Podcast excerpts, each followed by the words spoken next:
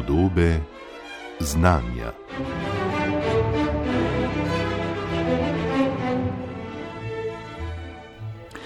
Nekatere stvari so tako običajne in povsod okoli nas, da smo, če na nje sploh pomislimo, prepričani, da poznamo že vse relevantne odgovore. Pa to ne drži vedno. Kaj denimo omogoča drevesom, da zrastejo tako visoko? In zakaj zrastejo le do določene višine?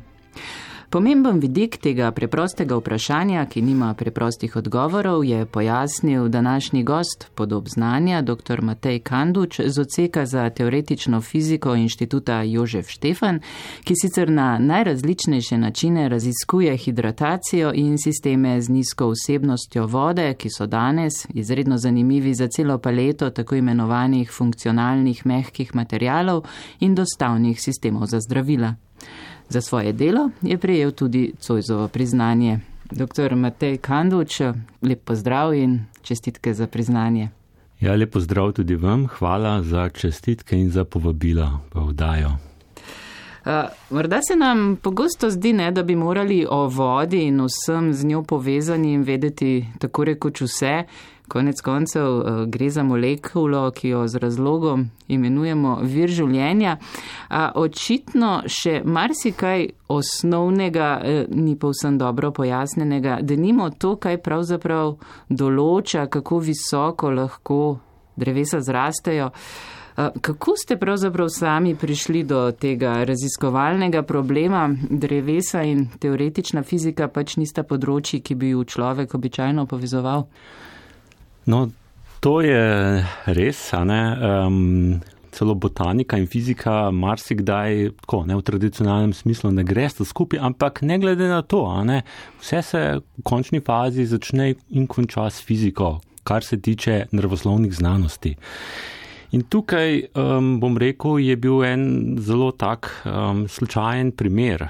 In sicer to, da sta nas kontaktirala dva botanika, ki sta nam predstavlja en največjih problemov v sodobni botaniki in sicer kako to, da lahko voda v drevesih, oziroma kako lahko drevesa črpajo vodo tako visoko, ne da bi se tukaj, bom rekel, zataknilo. No, da recimo malo pojasnimo, ne, zakaj gre. Že dolgo časa je znano, da um, drevesa črpajo vodo tako, da iz listov voda izpreva in na ta način um, nekako listje vleče vodo ne, kot nekak stolpec iz pač krošnje, pač vse, do, vse od korenin na vzgor. Ne. Uh, se pravi, nastane kot nekakšen vlek, kapilarni vlek in um, tukaj pa je um, seveda se pojavi nek problem in sicer problem, ki ga lahko razumemo že z osnovno šolsko fiziko, in to je problem hidrostatičnega tlaka. Gre se za, za to, ne, da tukaj pač v, na Zemlji, ne, v atmosferi imamo en bar. Tlak, to je ena atmosfera, in če se potopimo v vodo 10 metrov, tlak naraste za dodaten bar. Ne, imamo dva bara. Če gremo 20 metrov globoko, imamo tri bare. In nasprotno velja tudi usmerjeno vzgor. Ne? Namreč vodo lahko tudi načrpamo nad gladino, ne? to se da recimo za neko zaprto cevjo, ne? ki je v, pač pod tlakom ali pa z sifonom. To lahko vsi naredimo doma, ne? pač vzamemo lonc vode, potopimo kozarec, ga obrnemo na glavo in potem dvignemo kozarec ne pa polno, ampak nad gladino in voda v kozarcu bo dejansko nad gladino. Se pravi, zakaj? Tam je podtlak. Se pravi, to lahko naredimo lahko precej visoko in če se gibamo po tem vodnem stolpiču na vzgor, tlak pada. Ne? Iz enega bara pa če enakomerno do, do ničle, ki se zgodi pri desetih eh, metrih. In vprašanje pa je, kaj potem. Če bi obstajala voda nad desetimi metri, bi to pomenilo, da je tlak postane negativen.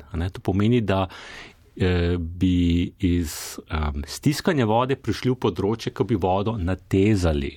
No, to je nekako podobno, kot to lahko naredimo z trdnimi snovmi. Recimo vzamemo vrv, pa jo na obeh koncih vlečemo narazen, to je natezna obremenitev.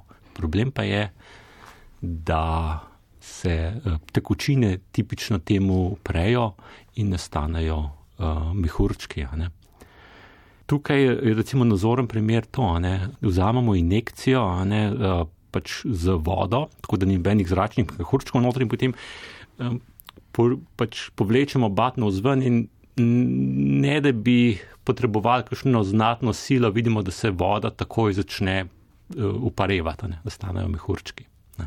To pomeni, da v praksi voda ne zdrži negativnih tlakov ne, in tistih deset metrov, kot sem rekel, to je tako imenovana Turčelijeva meja, ne, to nekako določa, kako visoko lahko dvignemo stolpič z podtlakom, ne, in tudi ima zelo praktične posledice. Ne. Namreč to je meja nekako, ki v idealnem primeru določa, kako visoko lahko črpamo vodo s klasičnimi vodnjaki eh, na podtlak. Tipično Ampak... več ne gre.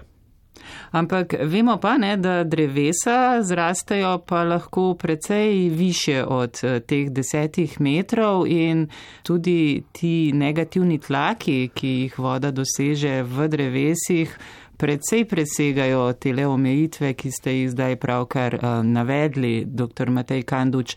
Kaj je torej na delu v rastlinah? Tako, no, in Tukaj na to vam ne znam dati točnega odgovora, se bova pa skušala temu približati ne, in to je tudi ta pač zagonetka iz botanike ne, oziroma iz biofizike na splošno. E, najviše drevesa, recimo sekvoje, ne, so lahko visoke tja do stotih metrov. Ne.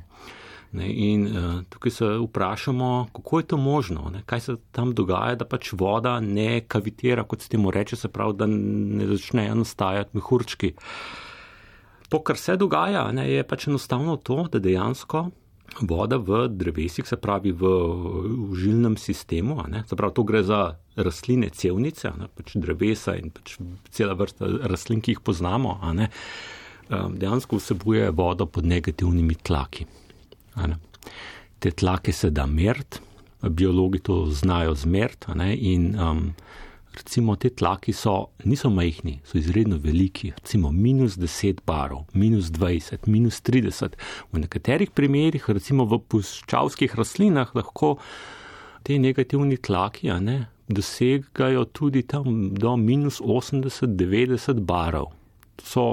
Koliko izredno... je to, kako si to lahko predstavljamo pravzaprav? Na zemlji imamo en bar. Ja. Tako da tole je pa v to je pa pač zdaj stokrat več, ne? ampak ne pritiska, se pravi, da stiskamo, ampak vlečemo narazen.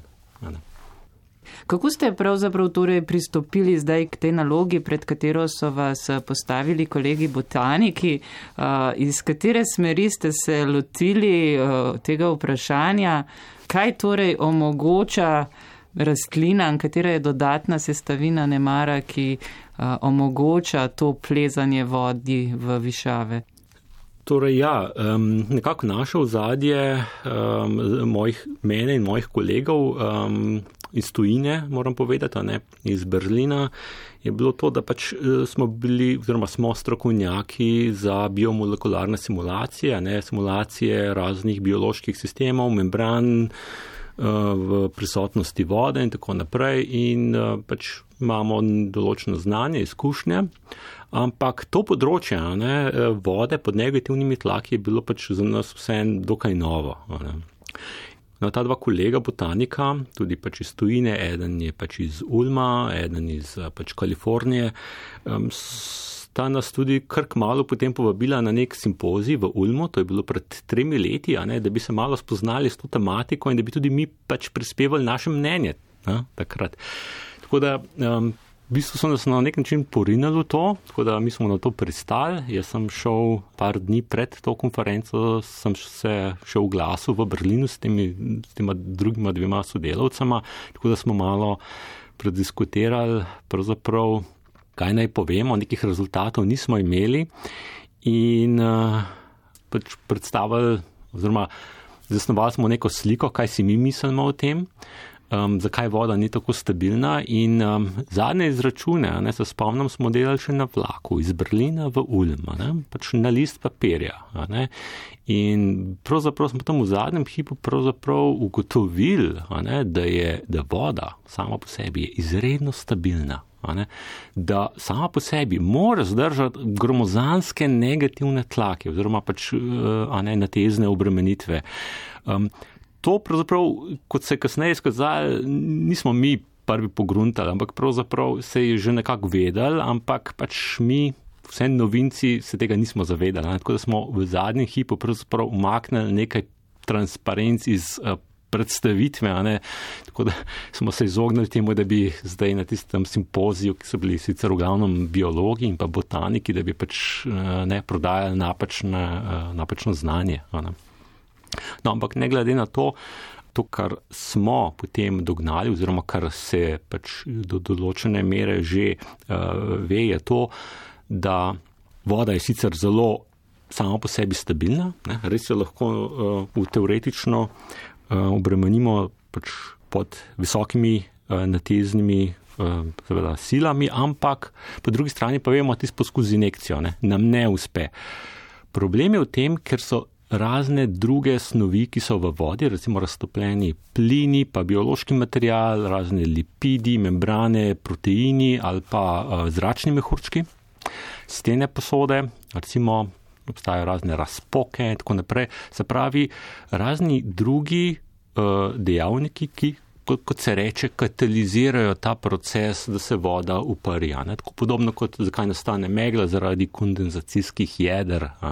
Sicer voda bi lahko obstajala tudi pod zelo visokimi negativnimi tlaki in govorimo o tako imenovani pač metastabilnem stanju. Tako da um, to je zdaj področje, s katerim se mi kar precej ukvarjamo. Ne? Pravzaprav je to ena mojih glavnih področji zdaj. Je to, uh, kaj so tisti uh, elementi, ki povzročajo kavitacijo, ker rastline očitno so se, bomo rekli, tekom evolucije naučile, kako pravilno ne, razpolagati z vsemi temi pač, mehanizmi, z biološkim materialom, tako naprej, da so v ravno pravem ravnovesju nekako da lahko voda v tistih kapilarah zdrži tako visoke negativne obremenitve, kot so minus 80 barov. Ne? In treba je povedati, v laboratoriju se tega ne da. Ne da vsaj v takem dolgem časovnem obdobju, kot so recimo ure, dnevi, leta. Da se že do določene mere, ampak prej se pojavljajo mehurčki. Tako da iz tega vidika je razumevanje tega pojava, ne, kavitacije vode in pač stabilnosti, um, ne gre tukaj samo za vprašanje razumevanja dreves ali pa narave, ampak ima potem to tudi tehnološki pomen. Ne. Če bi lahko uspeli, ne, pač razumeli te mehanizme in jih uspeli izrabiti, ne, ima to določene, pač ima do, do, določeno vrednost, recimo na določenih področjih. Recimo? Kot so recimo Eh, nanofluidika, mikrofluidika, ne, se pravi, so pač razne tehnologije, kako se, kako se voda pretaka po raznih majhnih kanalčkih za razno razne aplikacije. Ne. In pa tudi recimo en, ena taka stvar je recimo um, ultrazvok, ne, uh, bodi si v prisonoporaciji, litotripsiji, se pravi recimo razbijanje ledvičnih kamnov. Kaj je ultrazvok? Ne? To je pač uh, ni nič drugega kot valovi. Ne, ki potujejo skozi snov, ki povzročajo, nekako izmenjujejo pozitivni in negativni tlak. In tukaj so pač tudi kolateralna škoda ne, in pač razumevanje tega, kakšno škodo lahko negativni tlak povzroči na bioloških materijalih, je pač seveda ključnega pomena. Vsekakor eh, je ta vidik vaših raziskav, dr. Matej Kanduč, izredno zanimiv prav iz tega vidika, kako se različne tematike lahko na zelo zanimive načine prepletajo, dopolnjujejo, osvetljujejo iz različnih vidikov. Zdaj, če se mogoče usmeriva še k nekemu drugemu področju, ki je pravzaprav tudi predstavlja pomemben del vaših raziskav, ne? torej mehka snov, širše um, pojmovano. Ne? Tu je zelo veliko različnih materijalov, ki prav tako obetajo pri najrazličnejših možnih uh, možnostih uporabe. Kje se torej recimo raziskave, o katerih sva pravkar uh, govorila, zdaj prepletajo, križajo z raziskavami novih teh funkcionalnih materijalov, hidrogelov, lipidnih membran? Kaj so skupne točke oziroma kaj torej vas na tem področju konkretno zanima? No, uh, zdaj skupna točka oziroma povezava je to, da gre za, v obeh primerih imamo velike molekule, ki se jim reče makromolekule, bodi si, da so to lipi, zapravi razne lipidne membrane ali pa hidrogeli, to so polimeri, in pa da so potopljeni v vodo. Voda je topilo in nekako določa okolico teh makromolekul.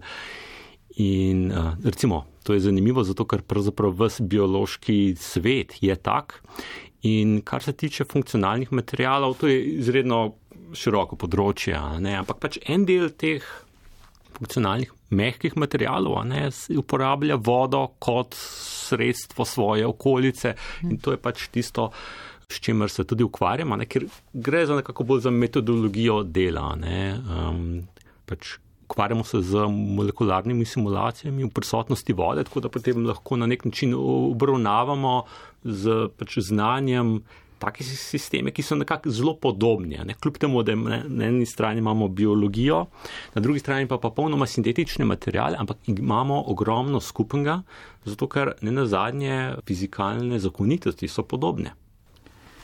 Zdaj, uh, večkrat ste že povedali, da um, so tukaj te recimo uh, velike makromolekule potopljene v vodo. Ne? Te reakcije med vodo in drugimi molekulami, še posebej v uh, sistemih, kjer je vode malo, so pač nekaj, kar bi lahko rekli, da je eh, rdeča nit številnih vaših raziskav.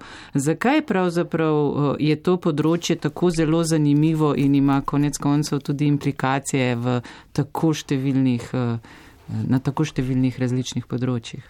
No, v znanosti je zanimivo tisto, kar je težko razumeti. Tisto, kar razumemo, tisto se pač ne raziskuje več. In tukaj mogoče je, uh, mogoče je najbolj nazoren primer, ne, kako to razumeti, se pravi, um, zakaj se gre, zakaj so sistemi biološki, recimo, kjer je vode malo, zakaj so tako zanimivi, je to, da, recimo, če si pogledamo nek zelo tak preprost primer filtracije. Ne, imamo neko snov, recimo, da bi želeli filtrirati vodo, vodo spuščamo skozi neko polprepustno membrano in želimo filtrirati recimo večje delce ven iz vode ali pa celo soli, ne, se pravi gre za razsoljevanje. Um, zdaj, če so Če je vode v teh membranah veliko, ne, lahko si predstavljamo, imamo vprašanja takih velikih por, ne, se pravi kot nekako sito, se pravi hidrogelne membrane, si lahko predstavljamo kot take mreže polimerov, skozi katere se potem pretaka voda. Ne če so te pore velike, potem tukaj, če skušamo to razumeti, nam ni potrebno vedeti, da, so, da je voda dejansko sestavljena iz molekul, ampak so enostavno, ne, so tukaj precej bolj enostavne fizikalne zakonitosti, ki jih lahko rešimo na list papirja. Ne, to so ljudje naredili že v 60-ih letih, v 70-ih, v 80-ih, ne teorije za taka velika molekularna sita. Ne. Problem pa postane, če naredimo te membrane bolj goste, tako da so tudi ti vodni kanalčki manjši in na ta način se v nekem trenutku začnemo približevati molekularnemu nivoju. Ne? In tukaj te kontinuumske teorije, ne, ki smo jih lahko prej uporabljali, tukaj odpovejo. Zdaj pa kot fizik je treba razmišljati drugače. Zdaj pa treba razumeti, da je voda iz molekul, zato ker so lahko posamezne celke široke nekaj molekul vode. Ne? In um, vsak atom igra mogoče malo drugačno vlogo, vse stvar postane zelo specifična. Če zamenjamo eno, eno atom z drugim, recimo eno kemijsko skupino z drugim, to lahko močno spremeni sliko. Stvar postane zakomplicirana, ampak tukaj nam preskočijo na pomoč simulacije, s katerimi se mi ukvarjamo, ampak ravno ta vidik tega neverjetno kompleksnega sveta je tisto, kar pravzaprav omogoča tudi precej več uporabe, če te stvari razumemo. Še ena stvar, ki mi je vsekakor nemudoma zbudila pozornost, so um, nanoreaktori. Um, zdaj, najprej verjetno bi bilo na mesto pojasniti, kaj so nanoreaktori, potem pa morda nekaj malega o področju, ki je bilo tudi posebej izpostavljeno pri uh, utemeljitvi Cojzovega priznanja. Namreč podali ste celovito kinetično teorijo bimolekulskih reakcij. To se zdaj lajko morda sliši zelo kriptično, pa vendar, zakaj gre, kaj tukaj lahko pojasnete pri njihovem delovanju, uh, uporabnosti tudi seveda. Torej, nanoreaktorja, ne, to je seveda pač, bomo rekli, pač buzzword, kot se reče, ampak kot ime pove, so nano, pomeni, da so mehni in pa reaktori. Reaktori v smislu, da omogočajo potek kemičnih reakcij. Ne. Torej, zakaj gre? Torej, iz hidrogelov ne, danes znamo, oziroma pač ljudje, ki se s tem ukvarjajo, ne, sintetični kemiki, sintetizirati nekako pač lupine, se pravi hidrogel v obliki recimo lupin, ne, ki so velikosti tam um, 100 nanometrov, 200 nanometrov in tako naprej. Ne, zato se imenujejo nano. Ne. In znotraj teh hidrogelov je recimo votlina, je prazen prostor, voda ne, in tukaj se noter se lahko potem naloži recimo razne druge molekule, reaktante, recimo tudi nanodelce. No in v primeru nanoreaktorjev, gre za to, da tipično noter nekako ujamemo neke nanodelce, eh, kovinske, recimo nanodelce zlata, ki so izredno dobri katalizatori, ne, omogočajo potek kemičnih reakcij. Ampak ta zunanja lupina pa skrbi za to, da zdaj omogoča neko posebno kemično okolje znotraj tega nanoreaktorja napram zunanjemu svetu. In tudi ta polimer, ne, ki obdaja te nanodelce, je lahko termoodziven. To pomeni, da se lahko um, z nekim zunanjim državljajem, kot je recimo sprememba temperature ali pa sprememba nekega drugega, recimo kemičnega okolja, recimo koncentracije ionov, glukoze ali tako naprej, eh, lahko um, nabrekne ali pa skrči ne, in na ta način se zdaj eh, delujejo kot neka vrata ne, in preprečuje ali pa omogoča molekulam, reaktantom, da pridejo z, v nanoreaktor ali pa ven. Tako da to je nekaj, kar potem uh, ima ogromen pomen v tehnologiji, tudi za, za prihodnost. Je pa tako, da sedanje raziskave, ne, v um, sintezni kemiji omogočajo enormne raziskave, ampak um, se pravi, da so eksperimenti uh, precej prehitevajo naše teoretično razumevanje. Ne? Tako da tukaj smo se s sodelavci uh, osredotočili na to, da skušamo z našimi prestopi, ne se pravi tako z molekularnimi simulacijami, kot z eh, raznimi teorijami razumeti te sisteme, ki jih sicer uh, ne vidimo. Ne. Treba je pač se zavedati, da zdaj si lahko mi slikovito predstavljamo nanoreaktorje, pa molekule, ki grejo ven, reagirajo, pridejo noter in tako in se izmenjujejo, ampak uh, tega eksperimentalno ne vidimo. To se da samo sklepati na podlagi zelo uh, posrednih meritev in nekako z teorijo skušamo interpretirati to, kaj, kar se dogaja, in z razumevanjem se da potem pač tudi razvijati nove pristope pri sintezi. Na kaj bi sami rekli, da ste morda najbolj um, ponosni pri svojih odkritjih? Kaj vam je bilo največje zadovoljstvo, ko ste razrešili? Jaz bi rekel, da prav ta uh, to sodelovanje z botaniki ne, in um, to, kaj se dogaja z vodo pod negativnimi tlaki. Um, predvsem to, da um, smo pač pokazali, um, kaj je tisto, kar, kar, kar preprečuje, nekak, kaj je naravna omejitev um, negativne obremenitve v vodah. Ne, to so na nek način um, lipidne membrane. In tukaj smo imeli kar precej, kljub temu, da se je to začelo kot nek tak zelo. Um, rekel, malo usiljen projekt, ampak na koncu smo imeli kar precej neke pač veselje, vsi skupaj sodelavci, ne, ko smo pač delali na tem, ker je pač to tako zelo upremljivo področje, ne, da smo ga pač tudi, ko smo uh, ga predstavili na kakšnih konferencah ali pa na uh, gostujočih uh, potovanjih, recimo na inštitutih, ne, je to nekaj, kar bo vsak razumel. Tukaj ni treba biti nek velik strokovnjak, da potem na koncu razumeš bistvo. Tako da to je tudi za to področje, s katerim se še naprej ukvarjam in najbrž bo še nekaj časa, tako poleg drugih stvari, ki jih imam seveda tudi uh, v planu. No, vsekakor vam želim še zelo veliko raziskovalnih uspehov, da boste odkrili še kaj zanimivega o skritem eh, življenju dreves, recimo temu tako, pa najlepša hvala za tale pogovor, za obisko studiu. Ja, hvala še enkrat za povabilo in nasvidenje.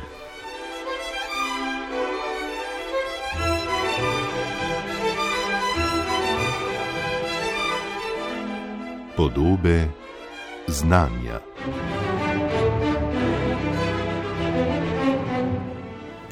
Z dr. Matejem Kandučem sem se pogovarjala Nina Slaček. Vabljeni, da odaji podobe znanja prisluhnete tudi na spletni strani programa Ars ali jo poiščete med podcasti.